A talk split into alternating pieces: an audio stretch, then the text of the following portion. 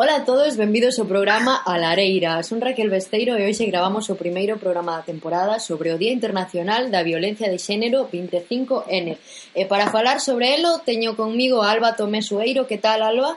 Hola Raquel, moi ben. Bueno, Alba é comunicadora especializada en xornalismo digital e activista no soño de Lilith, que agora nos vai falar de que é que fai na súa asociación. Teño tamén comigo a Eva Flete Giraldo, que tal Eva? Hola, bons días. Estudiante de Dereito e Relacións Laborais e activista na Asociación de Libres e Combativas, que tamén nos falará un pouco sobre a súa asociación. E teño tamén a Diego Blanco Álvarez, licenciado en Actividades Físicas e do Deporte que é profesional de actividades de tempo libre. Que tal, Diego? Hola, moi boas. Feliz domingo. vale, pois comezamos o programa eh, pois falando un pouco das vosas asociacións. Alba, podesme contar que de que vai o Soño de Lilith e que faz na asociación?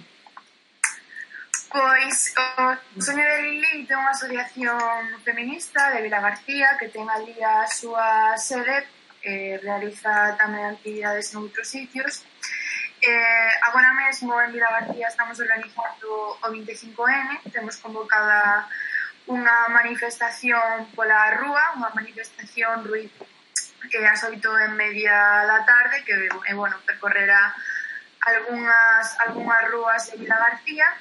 E, eh, e bueno, ademais tamén intentamos facer outras actividades, eh, dentro do 25N como un coloquio de xornalistas que temos o 29 o Benres, uh -huh. onde trataremos pois a importancia da perspectiva de xénero eh, nos medios de comunicación, non? Unha comunicación feminista para, eh, bueno, principalmente para a transmisión de, de noticias de asesinatos machistas, de feminicidios.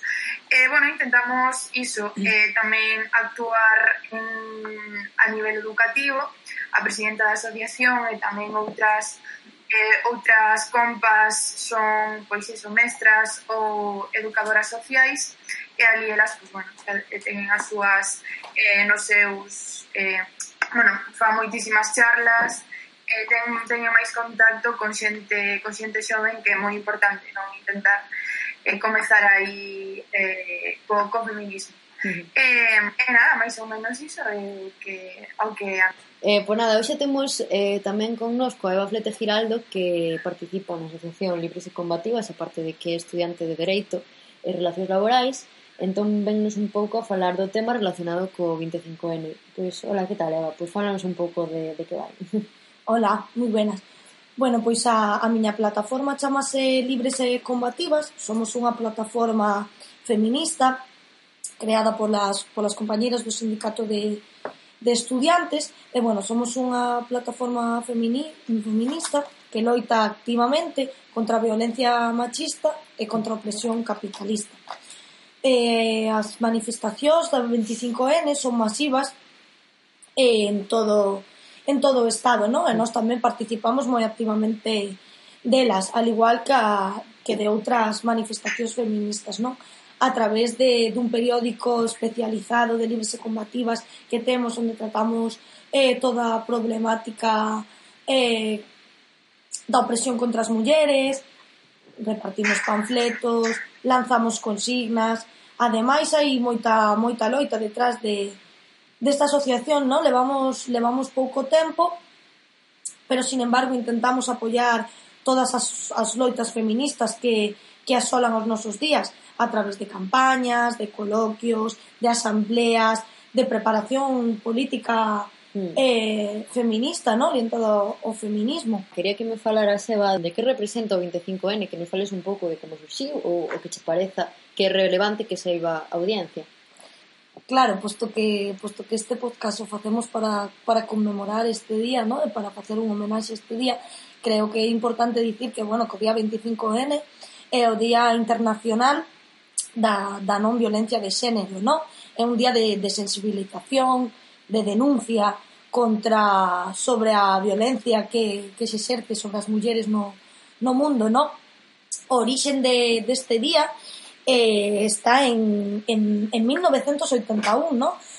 gracias ao movimento feminista latin, latinoamericano. Débese a que, a que este día, o 25 de noviembre, foron, foron asesinadas tres hermanas eh, que se lle coñecía como as hermanas Mirabal, ou as hermanas mariposas, ¿no? Eran tres activistas revolucionarias que se opuxeron ferventemente ao réximen do dictador dominicano Rafael Leónidas eh, Trujillo, ¿no? Foron encarceladas, violadas, torturadas e finalmente asesinadas. E conmemorar este día é un orgullo, ¿no? Debería ser un orgullo pa, pa, pa humanidade e sobre todo que eu quero conseguir conmemorando este día é eh, resaltar a importancia de ter un movimento feminista mundial forte, capaz de seguir loitando, capaz de seguir enfrontándose eh, diariamente, porque isto é unha loita diaria, eh, seguir enfrontándose diariamente a todos os obstáculos e a todas as formas de, de opresión e violencia que existen as mulleres que existen contra as mulleres do mundo, non? Claro. Comezaba, eh, comentabasme antes tamén que intentades proxectar no Cineclub de Vila García películas eh, dirixidas por mulleres. Eh, bueno, eu sei que fixeches un traballo sobre mulleres cineastas no teu TFG, eh, bueno, que comentabas antes de que na carreira estudamos moitos directores e eh, moitos eh, profesionais da historia do cine, pero prácticamente non damos mulleres. Sí, totalmente. Eh, esa, o sea, isto non acontece solamente pois, nas carreiras, como pode ser neste caso comunicación audiovisual, non é? que realmente eh, pero neste caso sí, ademais era curioso que cando non empecé a, a investigar, por exemplo, a pioneira eh, no cine de ficción eh, e a Liz Guy mm, exacto. que quedou, o sea, os nomes que coñecemos e os nomes que ensina son os Lumière, Méliès, todos estes sin embargo foi ela a pioneira e a que creou o cine de ficción a que vi, viu no, no cinematógrafo a posibilidade de contar unha historia non? Uh -huh. eh, e sin embargo non nos contan absolutamente nada dela e no meu caso, pois quería centrarme en cineastas galegos e cando empecé a investigar coñecín a unha que vive en Coruña pero que naceu eh, en, en Uruguai, pero que, bueno, realiza toda a súa carreira cinematográfica aquí, e que, e que dirixiu, escribiu Migas de Pan, que quedou ás portas dos, dos, or, dos Oscars, mm. e que, sin embargo, pois, eh, en, en, non se, non se sabe prácticamente nada dela, non? Pois, por dicirlo así. Entón, pois, eh, decidí centraron o fegar en, en elas e descubrí, descubrí, un, descubrí moitísimos nomes eh, e que deberían ser contados. Que... Uh -huh. eh, bueno, falas de que estiveches investigando sobre esta directora no teu Tefega, pero bueno, supoño que mentras estiveches investigando descubriches máis nomes de directoras que agora mesmo están a traballar, pero que quizáis non se coñece o seu traballo de xeito tan eh, público ou tan difundido como pode ser eh, cualquier outro director de, de xénero masculino. Claro, e tamén, por exemplo, eh, influe moitísimo o xénero cine do que estemos falando. Claro. Se a ti ou agora te pregunto eh, unha directora mm, de cine de acción, mm, claro Claro, aí está, non? Entonces, pois, de todas formas, creo que as cousas están cambiando e que as redes sociais neste caso axudan moitísimo, moitísimo, moitísimo. Eh, sí que se están facendo cousas, por exemplo, eh, Isabel Conxet rescatou fai pouco unha historia galega de dous lesbianas, xa de Marcela, que é moi, que é moi interesante. E, eh, eh, e, bueno, hai moitísima máis como, por exemplo, o que estamos falando antes de Leticia Dolera, que é moi importante o que está que está facendo, ainda que, bueno, eh, haya un discurso aí un pouco ambiguo, eh, é importante, porque, porque unha muller directora e guionista que sae nos medios de comunicación e que eh, eh, atopa pois a súa posibilidade de poder difundir o seu traballo, como neste caso é a serie de, de Movistar que non, non recordo... Vidas perfectas, pode ser o, mm. a súa serie, non recordo sí, moi ben. É que é importante que, eh, que aparezcan e que se visibilice todo o seu traballo. Eh, e bueno... Pois mira, queríache comentar eh, pois, bueno, para o público xeral, pois quería falar un pouco da discriminación positiva que teñen as mulleres nas axudas do cine, que, bueno, ambos os dous, Eva e Diego, podedes eh, decir algo, pero, bueno, eh, como Alba sacou o tema precisamente das mulleres directoras, quería vos preguntar que que opinandes sobre que se eh, ti pides unha subvención para facer unha película eh, puntúe máis que eh, a, a persoa que o dirixa sea muller ou que haya máis eh, mulleres no equipo técnico que homes. Quer decir que eso é un punto a favor máis alá do tema que trata, porque eh, se por exemplo tratas un tema eh, que mm, é culturalmente máis aceptable que unha película de pura duración, sabes, que o mellor que trates temas intimistas ou que eh, faler dun período histórico determinado, dache máis puntos, pero tamén o fai que a directora sea muller. entonces que opinades? Alba, podo che dar a palabra a ti primeiro, que foi o que tocaste ese tema, ou falaste? A ver, eh, Eu aquí eh, teño unha opinión un pouco distendida ás veces. É dicir, eh, sí que é certo que conseguimos moitas cousas gracias, grazas ás cuotas, eh, que ocupamos postos que sen as cuotas eh, era totalmente imposible, pero sen embargo, ás veces tamén comparto a opinión da, de que as mulleres debemos ocupar os nosos postos de poder polos nosos méritos, é dicir, sin que nadie, por mm. feito de ser muller, nos diga, pois mi, eh, xa que eres muller, xa que me estás contando unha historia de, de mulleres, e eres, eh, pois vou dar unha axuda, solamente por iso, é como, no, eu quero que a mí se me mm. conceda unha axuda para, para a miña cortometra, pois porque, porque é unha boa historia, eh, fora de que este dirixida por min ou, por, ou polo que o meu equipo eh, teña sean sexa de mulleres. Pero bueno, é complicado este este tema, entón pois sí, depende, xa che digo, moitas veces cambio de opinión neste neste aspecto. Sí. Eh, non sei que opinan o resto. Sí. Que, que opinades vos? Eu, por exemplo, Bueno, eu a miña argumentación vai un pouco na liña na que fala a nosa compañera Alba. Teño unha opinión tamén un pouco distendida, Mm, debido a que, claro, por unha parte, eu, eh, eu, estou, eu estou a sinxeral, estou a favor da discriminación positiva, non só cas mulleres, senón en outros ámbitos, non? Mm. Ou con outro tipo de discriminacións, como pode ser cara, cara as persoas migrantes, non? Inmigrantes eh, máis claramente. Qual é a cuestión que, por un lado, entendo a idea de, claro, eu quero que me den unha oportunidade por, por, polo meu traballo, porque o meu traballo está ben feito e merece esa oportunidade. Sin embargo, por outra parte, eh, temos que entender que vivimos nun mundo desigual. Por tanto, se nós o que pretendemos co feminismo, neste caso, é paliar e mm, desgregar totalmente esas desigualdades, é, é, por moi triste que sea, o feito de que teñas que discriminar positivamente a un colectivo para poderlle dar visibilidade é un, un, unha das, das, das armas que, que se poden usar a nivel social mundial para poder introducir eso, no? entonces claro, é un pouco difícil porse nunha postura mm, máis radicalizada ou porse nunha postura mm, correcta, digamos, no?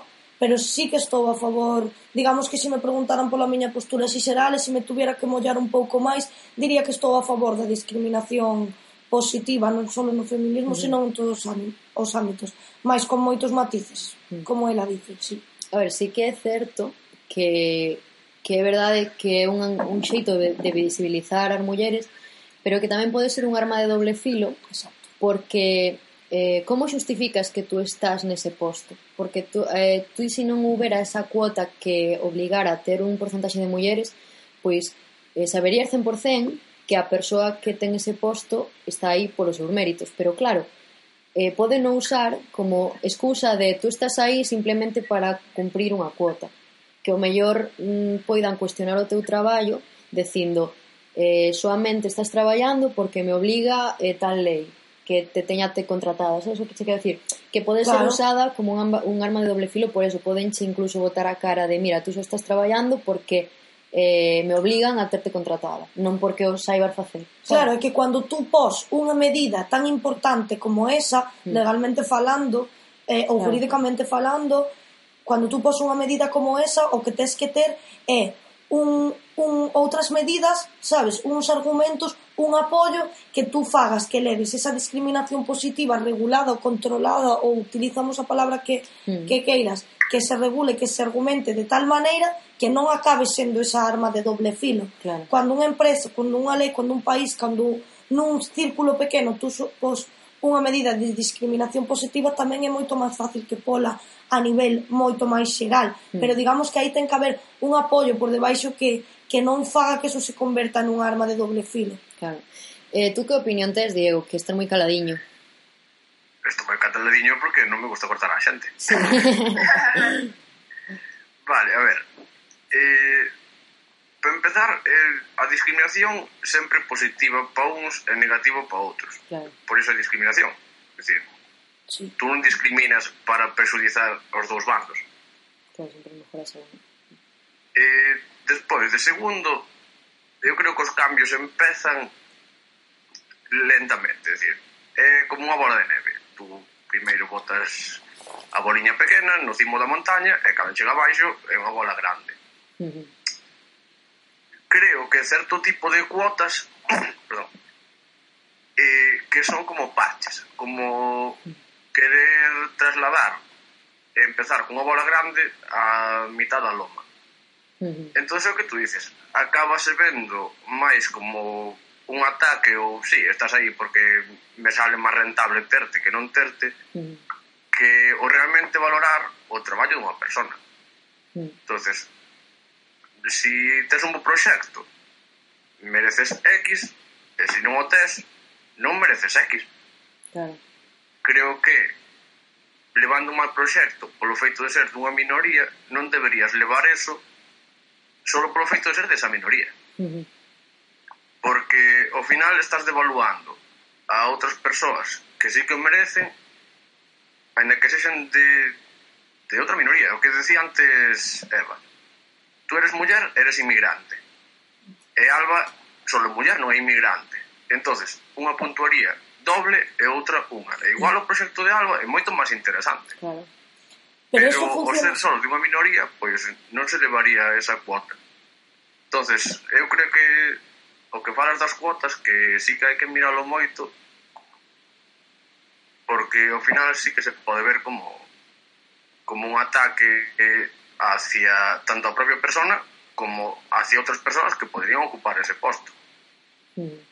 Eh, pois mira, queria che preguntar, Alba, porque eh, ti fixeches o teu TFG sobre a, eh, mulleres directoras e, bueno, como estás na asociación do Soño de Lilith, eh, tamén coñeces as proxeccións que se fan de directoras mulleres no Cineclube de Vila García e queríache preguntar se ti empíricamente do que tes observado observas eh, algunha diferencia cualitativa ao ver películas dirixidas por mulleres ou por homes?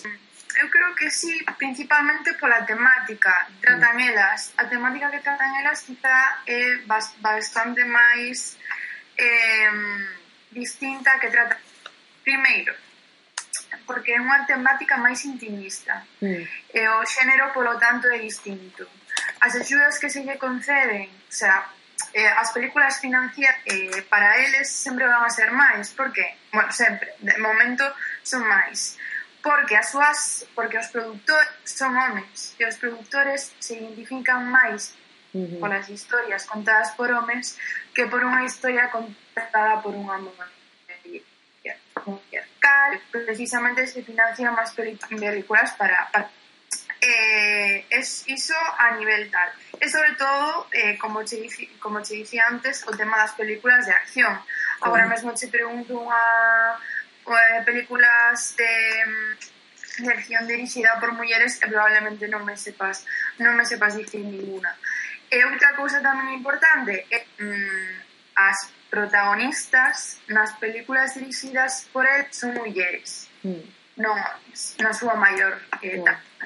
Porque, como todas eh, as mulleres foron relegadas sempre a papeles secundarios eh, eh, a historias onde, eh, pois, eso, basicamente, as protagon os protagonistas eran eles e elas quedaban totalmente relegadas. E facían o, o papel estereotipa de, de muller que eh, sí que pode que haya unha discriminación eh, na, no sector cinematográfico no sentido de que os que chegan a postos máis altos na industria os que toman realmente decisións como son os produtores eh, estadísticamente son máis homes que mulleres que ainda que as mulleres se poidan traballar na industria cinematográfica e acadan postos, pois, non sei, de montador, editor, director, guionista, pero que non son as que toman a decisión eh, final. Claro, eh, eso sería totalmente importante porque agora que os, a ver, as, os que financian as películas son eles porque son eles os que teñen o ¿no? E sería moi interesante que neses postos de poder estivesen mulleres pois, para empezar a ver eh, alternativas totalmente distintas aos discursos que agora mesmo teñen, teñen as películas. É dicir, eh, mira, outro día de feito estaba con Mariana Carapaz profesora nosa de, sí, de dirección de dirección de actores e comentaba que ela xa que estaba cansa, que, que ela xa non quería ver máis películas dirixidas por homens, que estaba que estaba en folga totalmente, non quería ver películas dirixidas por homens. Por qué? Porque o discurso é sempre o mesmo. Claro. Eh, e sobre todo tamén pois, pola violencia que les utilizan, no? que sempre pois eh, iso como A ver, ao final, nestes casos, eh, os guiones, eh, xa sexan para películas, para tal, son unha eh, construción máis o patriarcado, porque están transmitindo un, un discurso onde os homes afianzan precisamente esas e todos esos estereotipos que, que, bueno, que crean a homes machitos, fortes, que tal, eh, mulleres relegadas a, a súa vida que non teñen unha, unha historia, un espazo para, para contar. Mm. Eh, bueno, que falabas antes da, das actrices que están relegadas a papéis secundarios, pois realmente tamén eh, pode ser unha derivación do que diste de que se un, ao final a persoa que fai unha película que a dirixe ou a escribe é un home, pois ao final é moito máis difícil que entenda a perspectiva dunha muller ou dunha persoa que non sexa eh, mm, que non, que non este metido no mesmo círculo eh, social ou, ou é, é un derivado de que despois os papéis secundarios eh, de mulleres que sexan máis planos, porque é moito máis difícil meterse na súa pel se tío ver desde fora. A ver, eh, pois nada, eh, comezo, pois nada que Eva comentaba que as películas que estén dirixidas por... A ver, para cos cascos cando fale, pois pues, cando estexa me dicer, vale. Vale. Esto. Vale, pois nada, que Eva, o que comentaba era que ao final os directores eh, guionistas homes, pois o que van facer é perpetuar os roles eh, de xénero eh, que houbo durante toda a historia do cine. Pero, bueno, claro, é o que comentábamos antes, que ao final mmm, nunca te vas poder poñer na pel 100% dunha persoa que non está vivindo a mesma no mesmo eh, como se dice, no mesmo estrato social ou no mesmo xénero ou no mesma cidade incluso. Entón, que, que, que comentaba, Barba? Retomamos dende aí. Que eso, é dicir, darlle prioridade a alguén polo feito de que estadísticamente pode facer algo ou pode non perpetuar algo mellor que a ti. Mm, sí. A estadística é moi falseable. Veo que ten a estadística. É dicir, eh, aquí ahora mismo estamos catro personas. Cantas personas dos que estamos aquí traballamos? Eu solo. Uh -huh. Ponte que cobramos 1.000 euros. Estadísticamente cobramos 250 euros cada un. Ainda que realmente non seja verdad. Realmente eu vexo 1.000 euros e vos non metes un puto duro. Mm. Entonces, estou de acordo con que sí que hai moi poucas directoras. De feito, eh, a única que se me ocurre ahora mismo Leticia Dolera aparte é Isabel Coixet, que é a única que conozco así. Tamén di tú que de directores homes conozco catro máis. E conozco a a Menábar, sí. Woody Allen, eh, o tío das explosións, que non me acordo mesmo do nombre, Michael Bay. Michael Bay, sí. Eh, e Christopher Nolan era director tamén, non? Eh, sí, Christopher Nolan é director. Eh, Steven Spielberg eh, Steven... e non me sonon moitos máis. Claro. Eh, a miña cultura para empezar, para nombres son horrible. Eh, para quedarme con nombres de famo, de, de xente así en xeral, pois peor aínda. Mm. Pero eu sigo opinando o mismo. Para mí o importante é a historia ou o que sexas capaz de transmitir. Claro. É dicir, eu se si escribo algo, seguro que é unha puta mierda. Porque como escritor sou unha puta mierda. Eh, entonces mm. é así, entendo que vos den a vos antes pois calquer subvención ou calquer tipo de cousa porque vos sabedes e eu non. Claro. Non entendería que presentando os dous o mismo a vos vos deran algo e a min non, solo por o feito de que vos sodes mulleres e eu non. Claro. E, claro, pero é que aí está, aí está o debate e o problema con todo o mundo. A cuestión é, é que nunha situación exactamente igual escollen a min porque son muller. Vale, eso é discriminación. Cual é a cuestión? Que se tú e eu tivemos exactamente, se, se a historia recorrera de que tú e eu tuvemos sempre as mesmas oportunidades e que a min me me acabaron collendo porque son muller bueno, A cuestión é que os dous cas mesmas oportunidades, co mismo nivel de estudios e co mismo nivel de todo, sendo exactamente iguales en todos, cóllenme a min nesa empresa para ese traballo específico porque colleron, porque hai 10 homes e ningunha muller. Entonces, baixo o mismo nivel, se temos que elexir, o lóxico sería que me colleran a min, Por qué? Porque durante anos colleron a dez homes. Enténdesme? Esa é a discriminación positiva que temos que soportar. Vamos ao caso contrario na web. Hmm. Imagínate que eu que quero dedicarme á docencia ou á enfermería, que son dous hmm. ámbitos nos que normalmente hai moitas máis mulleres que homes. Sí. Deberían collerme a min antes que a calquera outra persona ou deberían facilitarme a min a entrada a ese mundo laboral solo por o simple feito de que por norma xeral hai máis mulleres que homens? No, no, deberían valorar. Okay. Deberían ser, primeiro deberíamos valorar que como empresa ou como dentro da sanidade que se necesita? Necesítase unha persoa sen xénero, hmm. unha persoa especializada nesto. Vale, se si tú estás especializado neso, e eu como muller, tamén Olvídate de ser home, olvídate de ser muller, estamos se nos poñen a competir e facemos o mismo exame e temos as mismas habilidades e temos todo exactamente igual, terán que coller a ti, por xusticia. Que pasa? Que se nos fan un exame e as miñas habilidades son moito mellores que as túas, teránme que coller a min, porque se eu te supero en cinco das habilidades que hai que ter, dame igual que sexas home que haya poucos homes, é que eu son mellor que tú en cinco habilidades. Sin embargo, si somos iguales nesas habilidades, teránte que coller a ti. Por qué? Por xustiza, por igualdad. Eso é igualdad. A cuestión é se si tú tes as mesmas. Sí. O que? Perdoa, Barbás. É dicir, porque no caso ese sí que temos que demostrar que somos iguales, pero nos outros casos a vos sí que se vos dan facilidades para entrar a eses postos laborais ou a no. ese cargo ou a ese o que sexa. Ah, pero é que eu deso non estou de acordo. Eu estou de acordo co que co mismo co mismo, sabes? Si, si, si hai un... Eu estou de acordo co mesmo que tú. A cuestión é que eu, co meu mismo currículum, eu teño 30 anos, mañá, No. E, eu mañá teño 30 anos e, e son, teño exactamente os mesmos estudios que a ti, as mesmas as mesmas formación que a ti, as mesmas habilidades que a ti, fixemos un test e saquei exactamente o mismo que a ti, somos exactamente iguales, dous currículos exactos. Que pasa? Que os dous temos 30 anos, Quen se vai quedar embarazada mañá? Eu. A quen vai elegir o empresario? A ti. Como demostro eu que te elegiu a ti e non a min?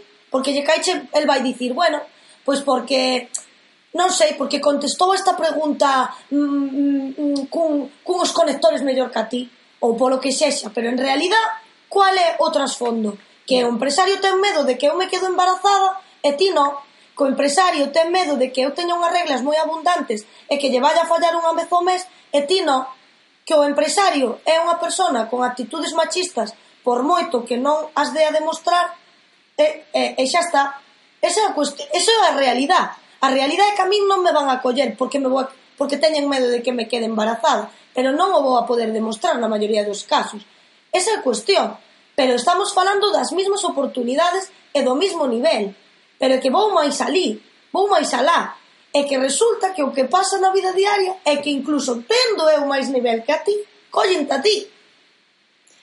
Vale. Sabes o que che quero dicir? Vou che preguntar... Está, eu creo que falas do empresario o problema é a rentabilidade que ese empresario lle pode sacar a cada traballador. É dicir, eu e a ti sacate máis porque non te quedas embarazado, pero a mí non. Claro, pero eso claro. un problema de legislación. Pero un empresario... a ver, no, mira, no, no, pero a ver, quiero decirse, por exemplo, eh, perdón, verdad, que re realmente se tú crearás unhas leis que cando tes fillos eh, tes os mesmos, tes os mesmos dereitos como pai que como mai, tes os mesmos días de baixa, tes as mesmas obligacións de levar o colegio, de levar o pediatría e tal, eu creo que mm, os empresarios pensarían de outro xeito porque xa non verían como que a muller é a única responsable dos fillos. Eu creo que eso é algo moito máis cultural e moito máis interiorizado que o que é realmente. Claro, ¿no? porque eu creo que é como, por exemplo, que comentabas antes, Barbás, de que... Barbás, bueno, Diego.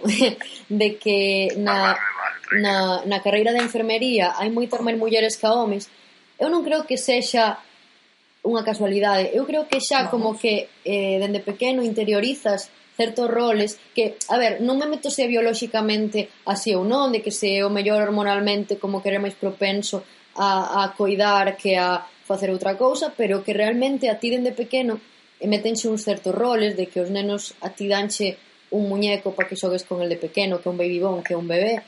Realmente eu creo que interiorizas tanto esos roles que despois cando tú te fas maior eh, segues un rumbo ou outro dependendo da educación que tiveches, donde metes en enfermería pois porque tú eres muller e mm, como que estás acostumbrada ou afeita ou que che dixeron que o teu papel é cuidar do demais.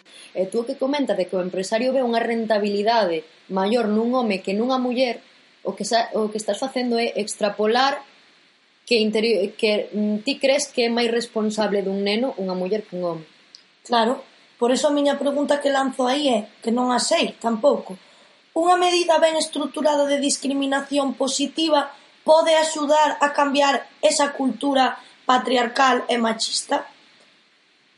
É que para min, para cambiar unha cultura, o que tens que cambiar é a sociedade. E para mm. cambiar a sociedade, o que tens que educar. Claro. Todo o que non sexa eso é poñer parches. Claro, claro, claro, por suposto. E ahora, Ahora digo, pode axudar, non digo que cambie, digo, pode axudar Podes xurar pues, que, eu, que eu abra unha que... cuota especial para homes enfermeiros?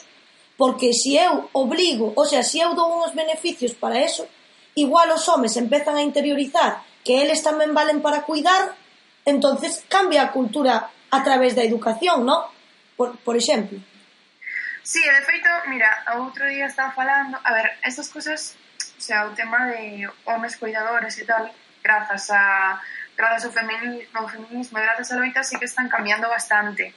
Pero segue, segue habendo unha diferencia fundamental entre ese rol de coidador e de, e de preocupación absoluta mm. que pode ter unha nai hacia un fillo. Por exemplo, a presidenta de documental moitas veces no colegio ten que vender eh, ten que vender eh, os chándales para os nenos e tal e que mm, Eh, e que ás veces chega algún pai e, e preguntalle ao pai, bueno, é que, é que talla ten fulanito? Ah, ten, ten 12 anos. Bueno, xa, pero pode haber un neno de 12 anos mm, así, mm, claro. de alto, e outro que se sabe, que se xa así, e non o mm. saben. Mm. E feito, xa teño escoitado algunha muller pregunta, ah, sí, como que, que fulanito coida ao seu fillo, que tal, e que non sei que? Pregúntalle o nome, o número de, de zapato que leva. Claro ou pregúntalle eh, a que é alérxico o teu fillo. A ver se o sabe. Sabes? Entón, sí. creo que hai unha diferencia moi fundamental, aínda que eh, eso, mm, grazas ao feminismo se siga avanzando e tal, creo que Joder, o típico que si, boa, que sorte ten fulanito que o marido lle coida Exacto, os sí, exacto. Non, perdoa. Claro. Eh, eso non, non é unha sorte, o sea, non é, é, é son os seus fillos. Claro. Punto. Claro. Non hai máis. É que exacto, eh, mira, Diego, se queres entrar o tema porque precisamente eh, Diego eh, é monitor de campamentos. Está sendo Está sendo, it's been. Está sendo monitor de campamentos, eh, comentábamos antes.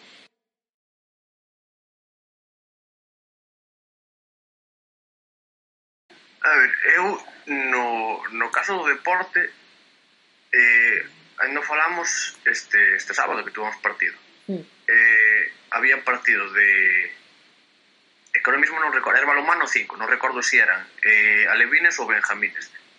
E había tanto equipos de rapaces como equipos de rapazas. Eh, xuntamos así, un grupo de varios entrenadores e entrenadoras, eh, dixemos, joder, que o ideal sería que xogaran xuntos, pero que a nivel logístico a sociedade ponche máis trabas que non. É dicir, tú se si levas un equipo mixto, mm. ocupas dous vestuarios. Claro Si levas dous equipos mixtos, ocupas catro vestuarios. E que igual o pabellón non ten catro vestuarios xa para empezar para ofrecerse. Mm. Entón, ao final, que faz? Pois faz un equipo de rapaces e un equipo de rapazas. Porque a nivel logístico, acabas antes, é non te rayas. E ao final, a entrenadora pois entrenará a homes ou entrenará a mulleres, o que lle... Mm. Claro, é que aí tamén estamos falando da, da comodidade, non? Pois porque igual eh, durante toda a historia eh, estruturouse a sociedade, estruturouse eh, todo en función de duns parámetros que agora mesmo moi difícil cambiar. Sí, non, sí, totalmente. No caso dos baños, por exemplo, eh, eu creo que é fundamental que eh, nenos e nenas teñan os seus baños eh, individuais. Sí. Por que? Precisamente polo que decía Diego, do tema de que as mulleres entre, bueno, en este caso as nenas, non? as nenas entre as nenas non se van a comportar eh, de igual maneira cos nenos. Se xa nos criaron de determinada maneira que, por exemplo, podemos, eh, bueno, podemos non, tratamos a regla como un tema tabú, claro. Mm. imagínate eh, unha nena dun colexio non ter un espacio en onde poder meterse ela sola mm. e cambiarse o que sexa. De, de feito, outro día estaba lendo un, unha reportaxe mm, no país que, bueno, que falaba de, de, da menstruación en diversas partes do mundo, é dicir, como levaban as mulleres de, mm. de, de distintas partes do mundo. Eh, non sei exactamente en onde era, pero... Eh, onde era? Bueno, non me acuerdo Pero, bueno, o caso é que había nenas que durante esa semana deixaban de asistir ao colexo Bueno, primeiro porque temas eh, culturais e religiosos de que eh, as mulleres que teñen a menstruación cando están no período teñen o demonio dentro, por exemplo, entre mm. outras cousas. Pero, por exemplo, deixaban de asistir porque non, teñi, non tiñan baños públicos, o sea, para as nenas. Mm. Entón non podían cambiarse, non podían ter as condicións sanitarias necesarias, basicamente, pois pues, que todas as necesitamos nesos, neses momentos. Entón, pois creo que é fundamental que estes espacios continúen e, sobre todo, que, que claro que é unha construcción cultural. Mm. Cando, ta, cando tratamos o tema da menstruación como, como un tema tabú, pois é moi complicado. O sea, mm, é máis tratalo cos, cos nenos. É algo que debería mudar totalmente. Mm. Eh, creo que, o sea, que ten que ser totalmente natural que unha muller diga, pois, bueno, vou cambiarme a vou cambiarme a copa ou tampón ou tal ou que sexa, sabes? Así, pois, eh, para mí sería pois, eh, poder coller un día de baixa pola, pola regla ou poder faltar ao traballo porque eu coñezo moitísimas amigas que teñen vómitos, por exemplo, no meu caso moitas veces teño migrañas fortísimas por culpa da regla e que obviamente impiden a miña eh, desenvolver o meu traballo ben e eh, probablemente eh, en algunhas ocasións estou moitísimo peor cando teño a regla que cando teño unha gripe con febre, porque claro. teño eh, migraña, porque teño diarrea, porque teño non sei que, e son cousas que deberían visibilizarse totalmente, porque no caso de que son me estivesen a menstruación, a alegría sería totalmente, totalmente distinta, vamos. Mm. Vale, eh, aí teño algo que decir. A ver. A ver, vale. eh, calquera de vos como empresarias, ¿Contrataríades a unha persona que vai a faltar unha semana de cada 4 do mes sempre, hasta os 50 anos? Pero non é sempre. Non vai a ser sempre. Mira, es que esta discusión a teño con... Vale, pois... Pues, unha de cada tres, unha de cada catro. Sistemáticamente, cada X pode faltarche. Eu, é que non me sale economicamente rentable, por tanto non a contrato, punto, se acabou. Pero... É igual que Leticia Dolera cando non contratou a tía polo embarazo. É que me parece normal. A mí parece normal que se si tú tens que gravar unha peli antes de X é a túa actriz principal se queda embarazada e non vai a poder facer o papel actriz que den por culo contrato a outra. Sí, pero bueno, vamos a ver. Eh, vale, entón por esa regla de tres deixaríase contratar unha muller porque, ou por exemplo, a mí, unha muller xoven, porque teño máis posibilidades de quedarme embarazada. Depende. De que depende? De se si me vai a salir económicamente rentable ou non a miña empresa, que é o ¿eh? fin último de montar unha empresa. Pero iso ti non o vas a saber, porque imagínate que non me vas a preguntar, eu non che vou dicir. Pero non che vou a preguntar. Vale, pero ti, polo feito de contratar a unha muller que, eh, que pois imagínate, eh, que ten parella e que todavía non tivo fillos... É o que falábamos antes, que socialmente está como xa asumido que a muller ten o rol de coidar eh, tanto nenos como maiores, etcétera, a pesar de que os nenos son de dúas persoas. Tú se tes un fillo que se pon malo, pois eh, normalmente está asumido de que quen vai levar ao médico é a nai, quen vai perder horas de traballo é a mãe, quen vai estar con ela a mãe. Eu creo que é unha cuestión de mentalidade, porque é que xa mm, se te asumiras que os homes van ter os mesmos roles que as mulleres, non habería ese problema de que a quen vas a contratar, porque terían a mesma responsabilidade sabes? Que eso é a segunda parte do debate que empezou pola regla. Mm. É dicir, eu si sei que unha que cada dous meses, cada tres meses impide vir a traballar durante unha semana e teño unha persona que pode cubrir exactamente o seu traballo, a tía se vai e contrato outro. Si de cada 12 meses unha persona non me dá ninguna baixa e a outra persona sí, e unha me dá máis rentabilidade económica para a miña empresa, eu contrato o que me sale máis económicamente rentable porque é para o fin último que monto a empresa. Pero claro, te, ti tamén estás eh, eh, opiando un dato, que é a productividade. Eh, mm, seguramente ti e eu eh, calquera, en plan Alba, eh, Diego, eu, calquera persoa eh, estando oito horas no mesmo posto de traballo non produzcamos o mesmo. E por eso eu creo que, mm, a ver, eh, ideal, eh, sendo un pouco iluso, o ideal sería eh, traballar non en horas, sino en productividade. Pero claro, se tú, por exemplo, tes unha muller ¿Traballar? en, en temas de productividade, e non de horas, en plan, ah, sí. claro. Eh, tú, por exemplo, se tes unha muller que eh, eu que sei, falta as horas que cualquier persoa, en plan, un home, unha muller que eh, pase cualquier eh, que pase un montón de horas fora ou que se poña de baixa ou o que queiras se a final de mes, a final de ano a productividade é o que se espera dela ou é óptima pois eu non o vería mal a min pareceme, por exemplo, máis grave tema de, eu que sei, de xente que porque teña un posto fixo pasa o día inteiro tomando un café Eh, igual pasa oito horas aí metido, pero realmente estás facendo a productividade mm, pola que fuches contratado. Claro, pero por eso dicen que se si unha persona me sale economicamente rentable e outra tamén, pero me está X días de baixa e teño que pagar por non virme a traballar, pois igual me collo a outra. É dicir, se si tú produces cada X horas, eh, no, no que estou traballando nun gimnasio, por exemplo, sí. e hai horas nas que, joder, o lunes teño un horario que é de 2 a 3. De 2 a 3 un lunes, non? De cada 5 días, 4, estou eu solo. Mm. Sí horas hai que estar ali. E esa hora teño que estar ali, queira ou non queira.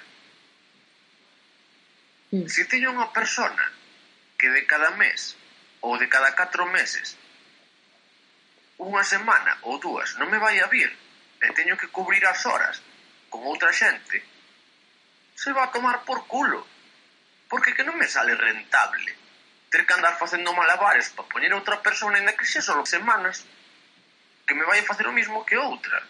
Porque que non me sale rentable. Xa solo polo traballo que me dá ter que pensar a quen chamo. Pero é que... Sí, Alba, no, no sé, yo creo que debería... Que eso debería mm, entrar en debate. A ver, non digo tampouco unha baixa de unha semana, pero de tres días creo que sí, polo tema de que fala Raquel de productividade. Eh, creo que sería bastante bastante interesante. Claro, mmm, eu non sei...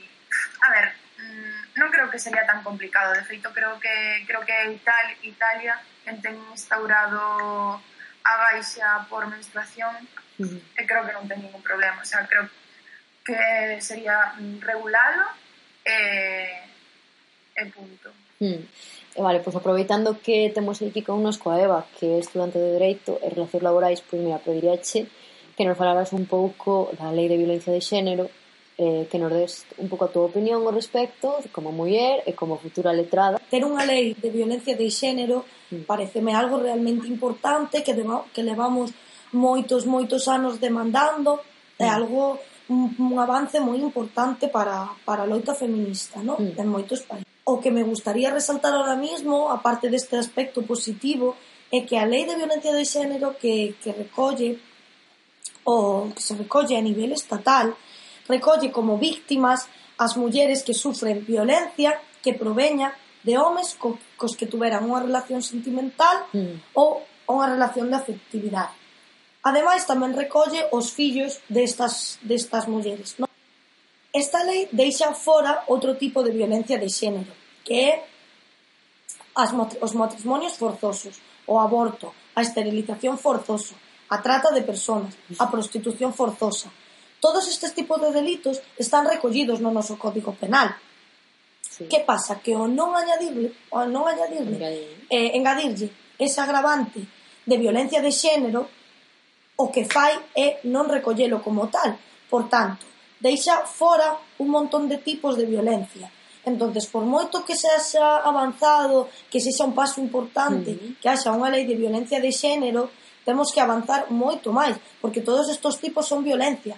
Violencia e opresión contra mulleres primordialmente. Claro. Entonces é moi importante seguir avanzando. O obxectivo que teria que ter calquera lei é protexer a víctima independentemente dos matices que poida ter. Entonces, eh, se por exemplo hai unha situación de violencia de xénero, pues non, eu penso que non terías que mirar tanto se hai unha relación de parentesco ou non, porque se tú, por exemplo, vas pola calle eh, un home che dice calquera cousa, eh, polo que sexa, pois, eh, che dá un golpe ou, ou decide abusar de ti ou, ou, ou faxe calquera proposición a que ti te negas e que eso pro, eh, que propicia un tipo de violencia, eh, según entendo eu, pois terían menos pena que se fora o teu marido. Claro, ah, claro. exactamente. Ah. Exactamente, se tú eh, a violencia o a lei de violencia de xénero eh, entendida así, claro, que nos quere dicir é que claro, posto que hai unha agravante de parentesco, posto que, mm. digámoslo así, nunha maneira moi coloquial, posto que é o teu pai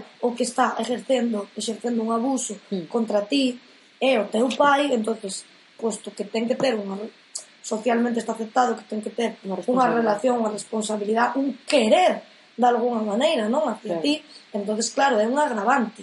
Que pasa? Que si eh, aos outros tipos penales non lle pomos a ese agravante, porque non existe ese agravante, porque un home cualquera que me encontro pola calle, estamos, de alguna maneira, discriminando un montón mm. de violencias, non discriminándolas, invisibil, invisibilizándolas, non? Claro. A min o tema que, que máis me chama atención, que máis me preocupa, é a lacra social máis importante para min que existe no planeta, que é a prostitución forzosa, uh -huh. a trata de personas. Vale.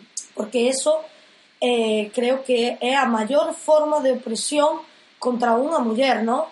Mm, facer ben, mm, mm, que utilicen o seu corpo, o seu, corpo, uh -huh. o seu, sabes, o seu interior, sí, incluso tamén parece a lacra máis importante, non? Entonces, o, a opresión máis importante que existe sobre a muller non está recollida dentro da violencia de xénero. Eu creo que xa solo con esa frase tiñamos que empezar a pensar en algo é que eso de que as mulleres poden facer o que queiran co seu corpo e que calquera pode ser prostituta se así o decide, eu creo que esconde detrás moitas outras cousas porque non creo que calquera persoa eh, tendo outras opcións se decante pola prostitución. Eu creo que a prostitución sempre é a última opción dunha persoa que quere eh, obter cartos e ademais a maioría de veces tú a prostitución mm, non a exerces cos cos homes que ti queiras, exercelos cos que che mandan, e normalmente sempre hai un por encima de ti que, que é o teu xefe, por así decirlo, ou, ou proxeneta, ou, ou o que sexa.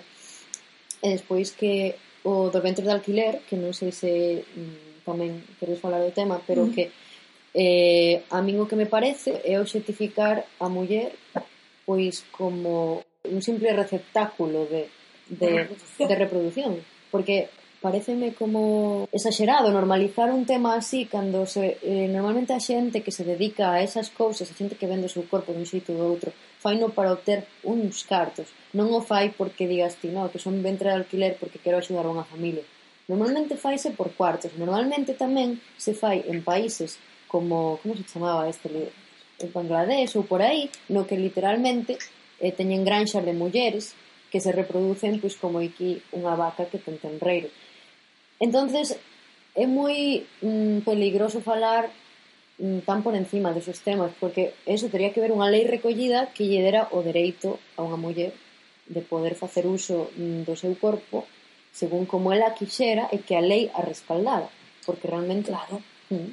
Ben, en, con referencia a ese tema, eu estou completamente de acordo con todo o que ti dixeches, comparto, comparto esa visión.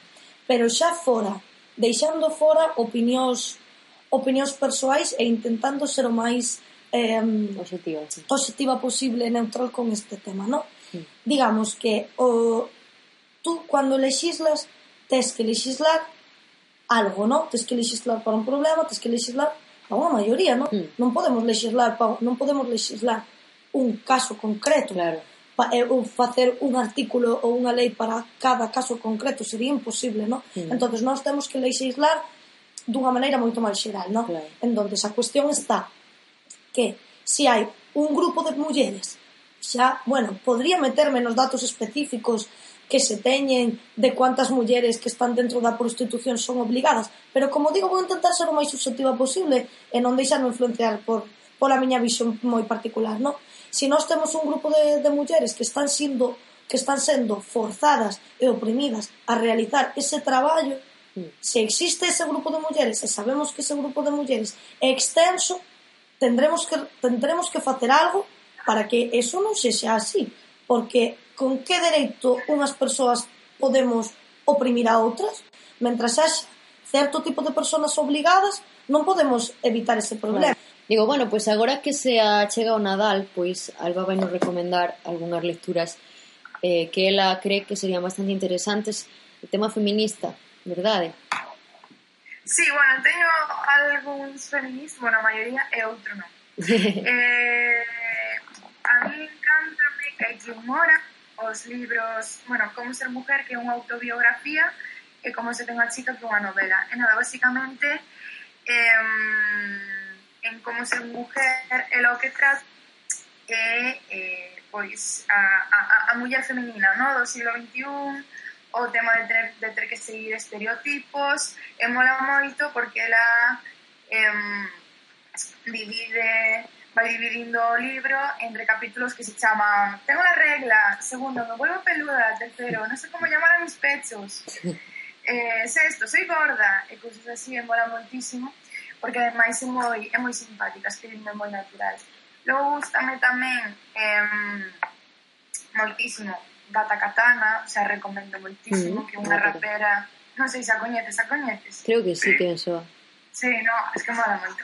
Bueno, Gata Katana é unha, bueno, foi porque faleceu fai dous anos, creo que foi, sí, en 2017, e, e foi unha rapeira e politóloga que escribiu tamén un libro de relatos e poesía, eh, e, e tamén é eh, feminista, eh, e, e mola moitísimo. E despois teño eh, un libro que non é temática feminista, que limpa uns meses, que se chama Mala Herba, de Manuel Javois, que seguro que vos sona, porque sí. hai moitísimos sitios. É unha novela que fala pois un, eh, do amor entre dous nenos pequenos. Sí, sí, Está ambientada en Pontevedra, de feito, creo que nos anos, nos anos 80. Eh, a mí parece moi boísimo. Mm. E nada, eh, son máis ou menos mm, son unhas lecturas Eu de libro recomendo tres. Sí? Cales? Eh, cuentos para dormir, cuentos de buenas, de buenas noches para niñas rebeldes 1, mm. para niñas rebeldes 2 e outro que teño aquí, que é o que teño aquí, que é este. A ver. bueno, quería recomendar dous libros que, que, que a mí me marcaron moito, no? que, que son de, de dúas grandes pioneiras do, do feminismo socialista. Uh -huh. O primeiro é de Rosa Luxemburgo, que, que se chama La llama de la revolución, e o segundo é de Alexandra Kolontai, que se chama Feminismo socialista e revolución. Hai outro libro tamén dunha uh -huh. feminista, activista, profesora moi moi importante que, que seguro que moita xente coñece, pero que tamén me, me gustaría recalcar, ¿no? Uh -huh. Que é o libro Mujeres, Reza e Clase, de Ángela Davis. Uh -huh. Os tres eh, recollen, recollen todos estes temas dos que estamos tratando. Como eran as loitas das mulleres antiguamente, sobre como defendían a súa postura ideolóxica e política, sobre a discriminación, o racismo, o clasismo. Eh, bueno, Alba, podes recapitular os tres títulos que dixeches? Os eh, tres títulos, pois sería eh, Como ser mujer e como se hace unha chica de Caitlin Mora, eh, La escala de Mos de Gata Katana, que uh -huh. eh, Mala Herba de Manuel Jabóis. Perfecto. E, eh, bueno, logo quedamos cos libros que nos recomendou Barbás tamén, e eh, con eso, pois xa eh, acabemos a, a recomendacións literarias. Bueno, pois nada, pois eh, foi un placer ter con, con nosco nesta lareira de hoxe a estas tres persoas tan maravillosas, por un lado, Eva Flete... Moitas gracias a vos por darme esta oportunidade. Alba Tomesueiro é Diego Blanco Álvarez. É que costame decir o, o nome completo porque todo porque creo que o, che, o levo chamando eh, toda a entrevista a Barbás. Eh, e nada, pois un placer tervos aquí con, con nos. A ti. Veña. Ata a próxima, graciñas. Sí. Igualmente, Raquel.